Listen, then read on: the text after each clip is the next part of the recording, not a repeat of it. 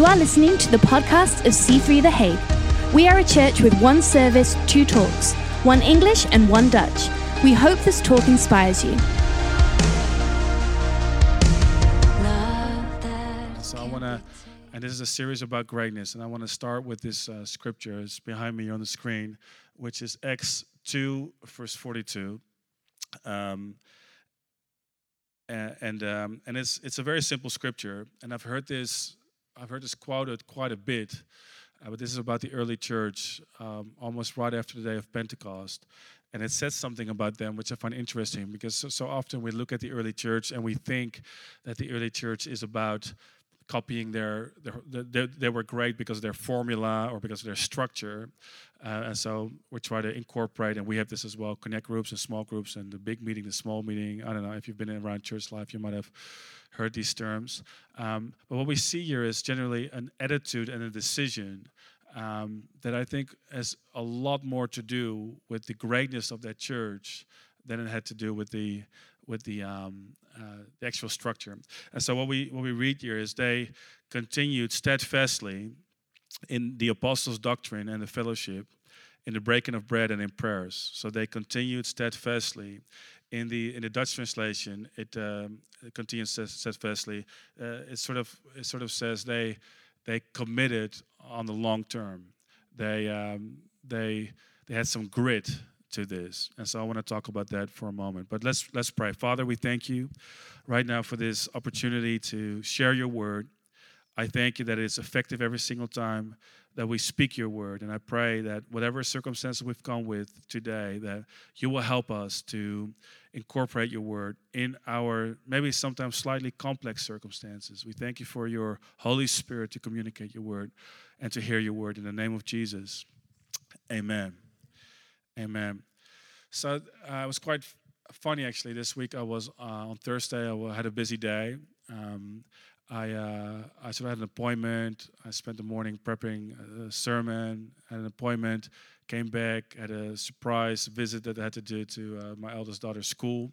Uh, so that sort of like messed up my day. I was on my way there. I was close to a long street, Melis Stokelaan, um, and um, and I was just um, pre-selected to turn left. And on the left lane, there was this small Volkswagen. I know there's Germans here, so I'm going to help you out here. It's a small Volkswagen Polo which broke down, and they had their hazard lights on, and I just stood there. So I sort of thought, you know, so I wasn't in the front, so I, I was pre-selected. So I just put my car in front of the other cars, in front of the traffic lights. So I was like, if it goes left, then the cars who are going forward, I can just I'm I'm there before them, and so I can just swift off, and none of this is my problem, right? So kind of like the there's a biblical story about the story of the uh, Good Samaritan, where the priest goes around a person in trouble. Uh, in a long, long curve around the person, and I sort of thought about that, and I kind of felt in myself I was I, I, think it was God. Um, I kind of had this idea, you know, you need to help this person.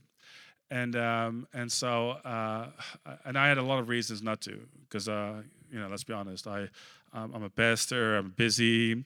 Um, I have a, a, daughter with special needs and I need to go to an appointment year. I also have a business that I've heavily delegated, but anyway, I carry that responsibility.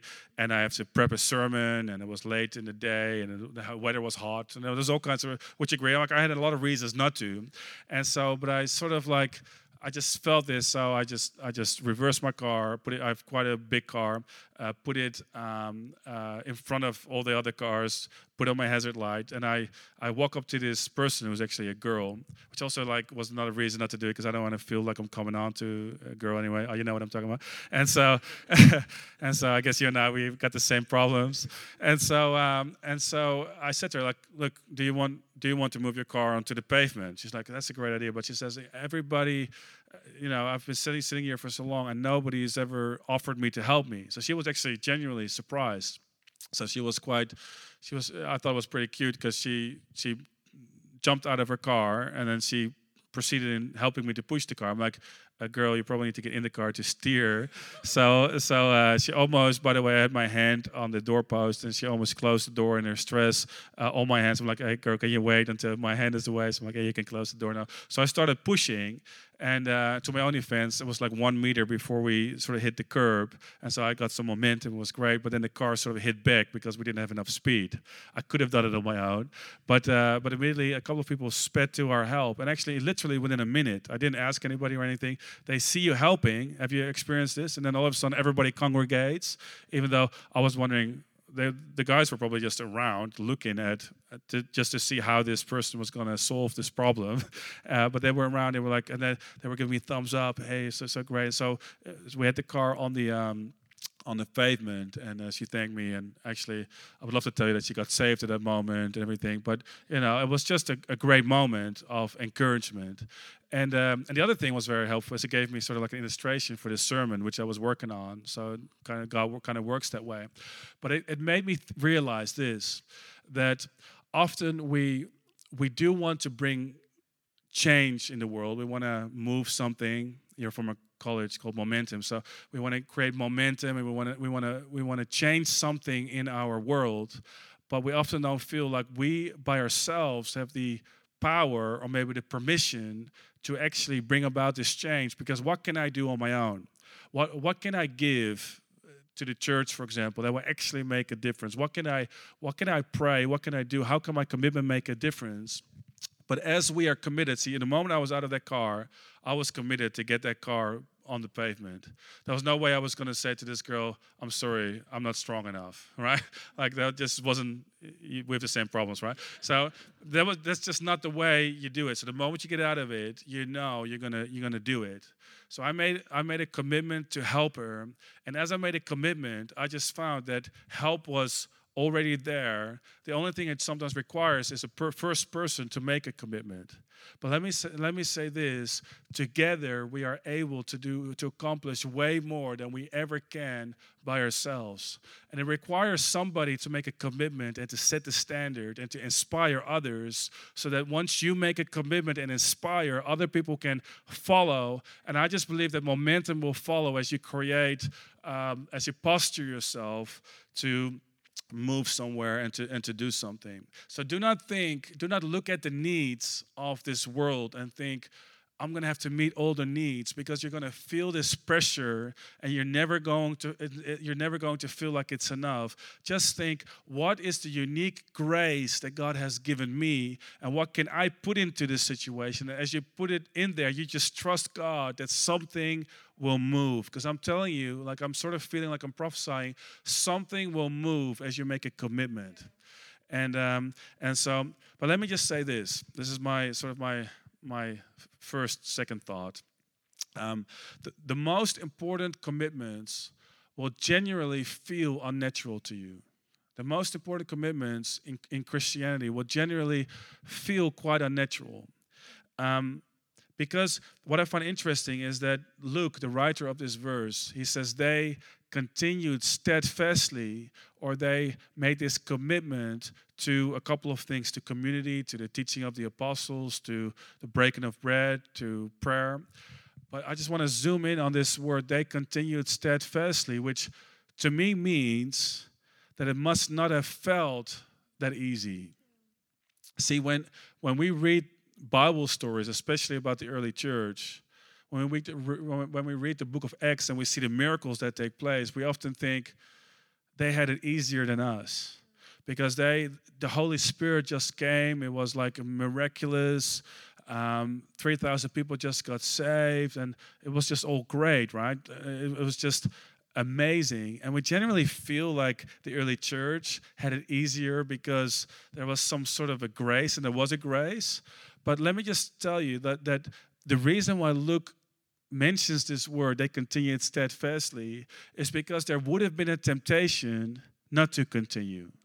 There was a lot of difficulty, and um, and so the, the the the greatness of the early church wasn't just a feeling, wasn't just an emotional state of being. It was actually grit and commitment that was in that church that was necessary to, to see the fruits coming out of that church that, that were actually there.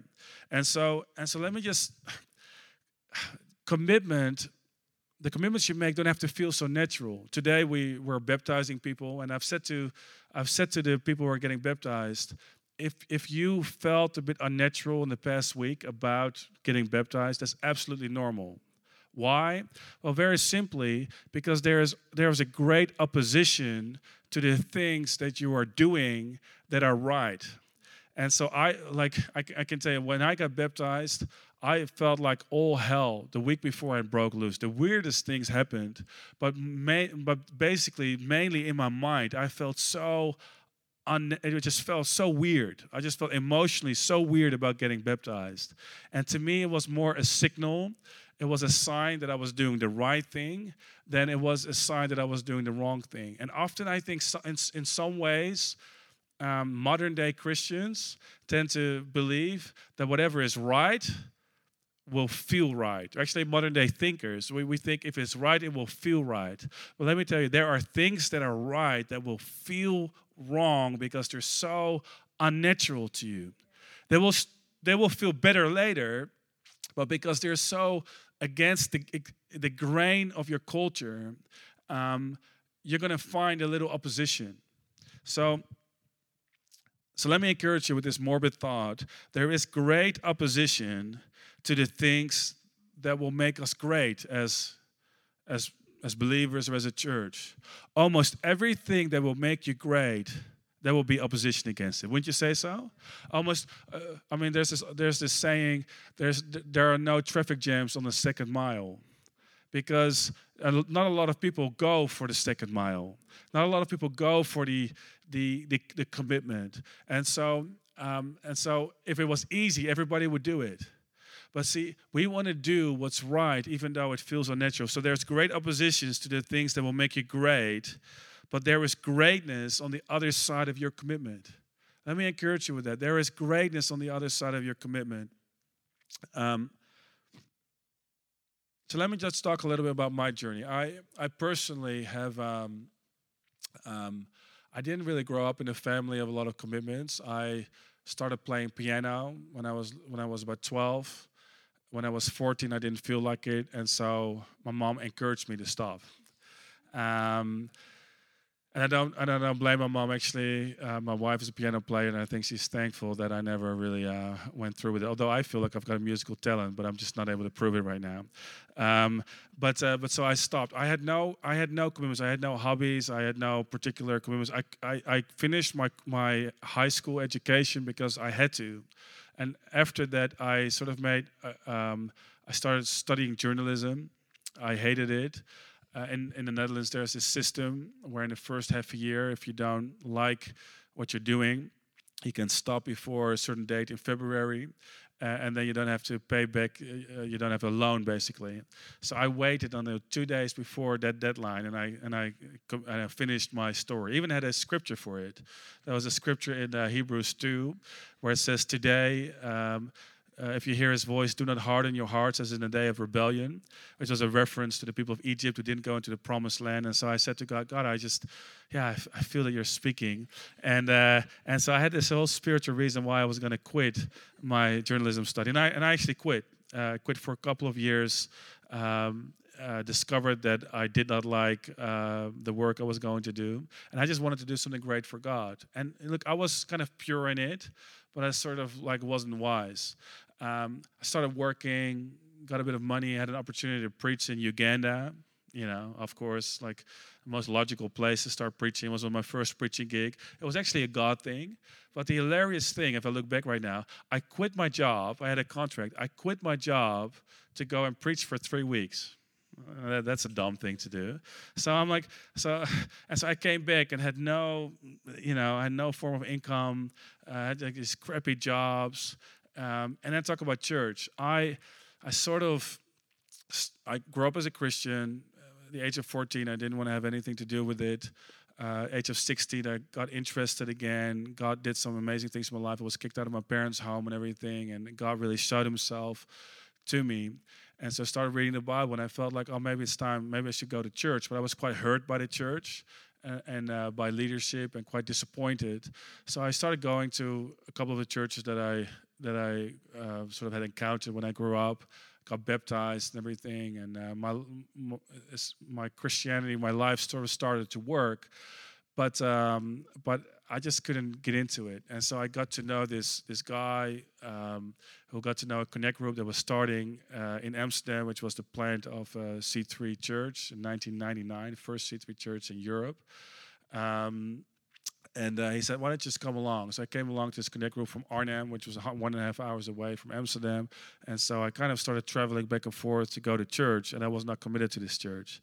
And it was quite hilarious. Uh, after two years, and I was I kind of like a critical spirit, so I was coming, uh, you know, uh, every once in a while I wouldn't come, um, but it wasn't like my my heart wasn't into it. You, you know that feeling? And so I was sort of like criticizing everything. I remember actually having a conversation with my pastor, and I said to him, I said, um, "Look, I'm so frustrated with church. This was like my way of. I was just trying to be honest, really.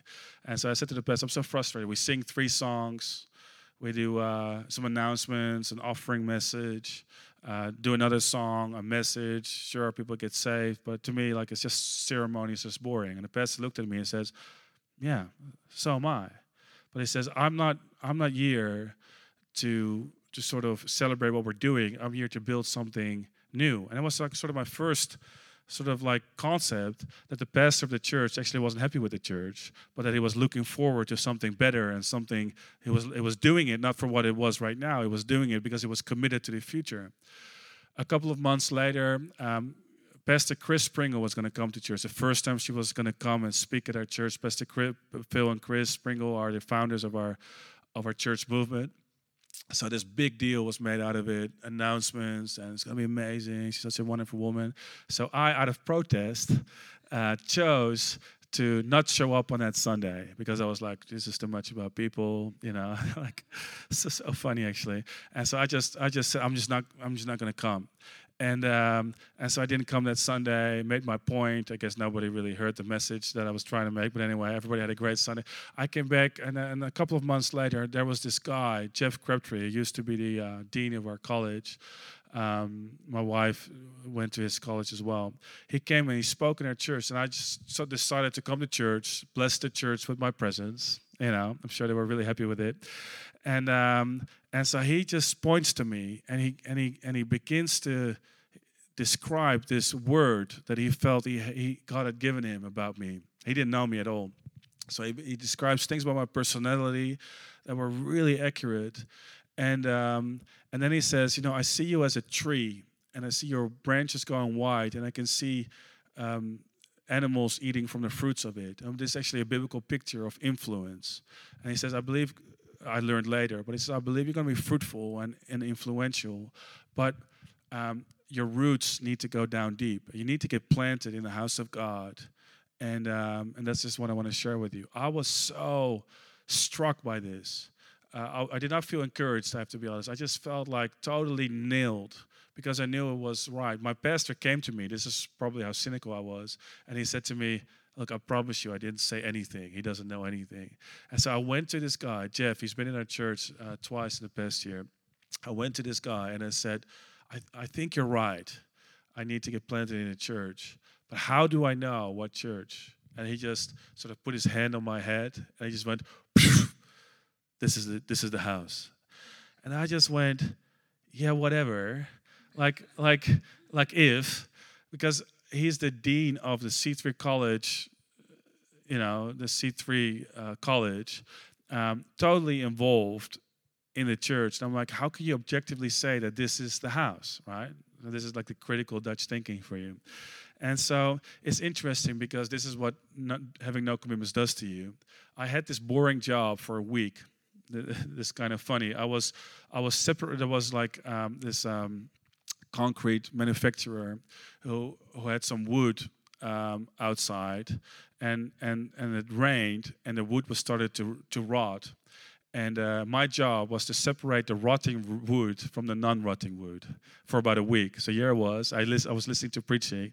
I, was, I actually became an expert in a couple of. Days. I'm like, yeah, oh, this is pretty good. And so I made these two piles for two days it kind of, uh, you know, to me, it kind of felt like being in the, like, do, you know the story of Jonah, where Jonah was in the belly of a whale for three days? Know, to me, that would have been better than my job that, that day. Like, I would have preferred to, but it just felt like I wasn't living my destiny. I was having this boring absolutely horrendous job. I was surrounded by, you know, I just was absolutely unpleasant. And so, but I was listening to his preaching, and on I remember it was about the fourth day, on the Thursday.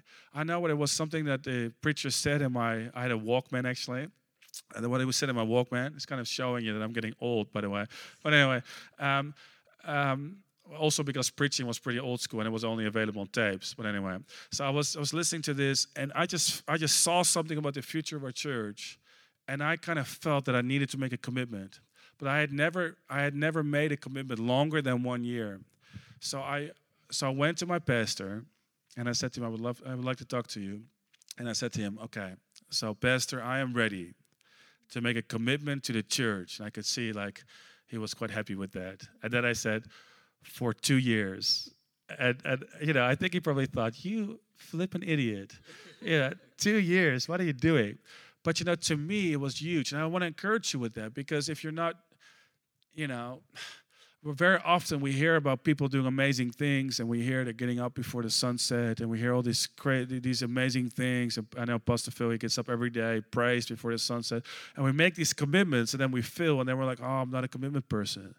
But I want to encourage you with this, with, with two thoughts. And first of all, I want to say that small commitments will lead to bigger commitments. Small commitments in your life will lead to bigger commitments. And what I noticed in myself, and, and here's what I would say. Um, now let me just let me let me, let, let me just share the story. Um, small commitments lead to bigger commitments, and I through that commitment, I was able to commit to studying. So I, I did a four-year study, a bachelor degree in communications, and I finished it because because I said, you know what, I'm going to start this, I'm going to finish this. I'm now married for 13 years, bit longer actually. Um, I just checked in the service with my wife, um, uh, but, but but you know I, I like that's a that's that's a bit of a commitment. I have three kids. Um, I've been in church now, so I made a two year commitment. I've been in C3, I've been in church for about 19 years now. And it's been an amazing journey. But I can tell you that it was it was that small commitment for two years that helped me. I never reviewed the commitment. I just after that I just made a commitment. I, I said to God, God, to me this is my house. Unless you do something strange, I'm just going to be here and serve. And that's what I did for all these years. And eventually we planted this church and everything. But um, but see, it is, you don't have to start big with commitments. You can just make a small commitment. And the other thing I would say is short commitments lead to longer commitments. And so I would encourage you to not make 25 commitments today. Uh, and to say, I'm going to change the world in 25 different ways. No, no. Just make one small commitment and make it for longer than one year. So I would suggest it's two years because that's longer than one year, right? And so, um, because because one year sort of like is enough to go through the emotions of every season, and you know you could kind of like get stuck in a season and stop. But to do it twice is a bit of a different thing. And so I would say, like like I sometimes employ people if I employ a person and I only see commitments shorter than one year, I'm thinking, you know what, I'm going to be the next. I want to see commitments a little bit longer because I know the small commitments lead to bigger commitments, and one commitment lead to more commitments. And so this church, there's no doubt about it, was was committed, and and commitments lead to fruitfulness. Every commitment you make that is good is there's going to be opposition, but that's the encouragement. If you like a challenge, that's going to be good. But you know, so many Christians and so many, maybe, maybe so many people today, but let me just specifically, and forgive me if you're not a Christian here, but, but let me just say so many Christians have this cop out in God that is that we sometimes call the voice of God. And I did that as well. So I said, you know, God spoke to me, and and so uh, this is it. And my surprise sometimes is a lot of Christians feel that God is slightly schizophrenic because he changes his mind all the time. It's like God has spoke to me to come to this church. Oh no, no, no. He was he, he said to me he was wrong. He changed his mind. And the Bible does talk about occasions that God changed his mind. But these people were committed to community. I'm going to talk for a couple of minutes about community, but they were committed to a community um, which look, you cannot trade in community right? So you, you cannot say, oh, this community, I'm going to trade this in for another community. Like, it's like, because it's not just an organization, it's the people. And I would say that, um, that is, so talk about the cop out. This is slightly unstructured, but follow me. We're, we're going to bring this to a good end. Um, so I find so many Christians have like this spiritual option, and maybe you've got like an intu- intuitive option where you can say, "Oh, but God spoke to me." But let me just say this. Let me just tell you this. Every single time you feel that God speaks to you about getting out of a commitment that you got into voluntarily and out of conviction, I would challenge, honestly, whether that's the voice of God. Because I think that once you make a commitment, there's so many voices that can come your way. And what I'm told here is that they persisted, they kept going, they devoted themselves to each other, which tells me, by the way, that there was a temptation to get out of it. There's no reason why Luke would say they devoted themselves, they committed themselves, if, if it was easy. So we need to get out of this thinking that the early church had it easy. They had a tough situation, actually. They had tough family circumstances. They needed to leave everything behind to be part of this thing, but they committed themselves to a couple of things. Now, they committed themselves to prayer. They committed themselves to the teachings of the apostles. We still have the teaching right now, which is the New Testament of the Bible. They committed themselves to the leadership because they committed themselves to the teaching of the apostles, so they had local leadership. The early church had leadership people. It wasn't just a group of hippies who came together who decided that let's all be happy and peaceful together. No, no there actually was a, a structure, there was there was leadership and everything. They made a commitment to the breaking of bread, which speaks of the finished work of Christ, and and so and so they ate together, they had community, but they also made a commitment to community. And now the word community is interesting because the Greek word for community, and I don't often quote Greek words, but in the last couple of minutes, I'm going to attempt to, to give you one Greek word. Are you ready for that? This? Which is koinonios.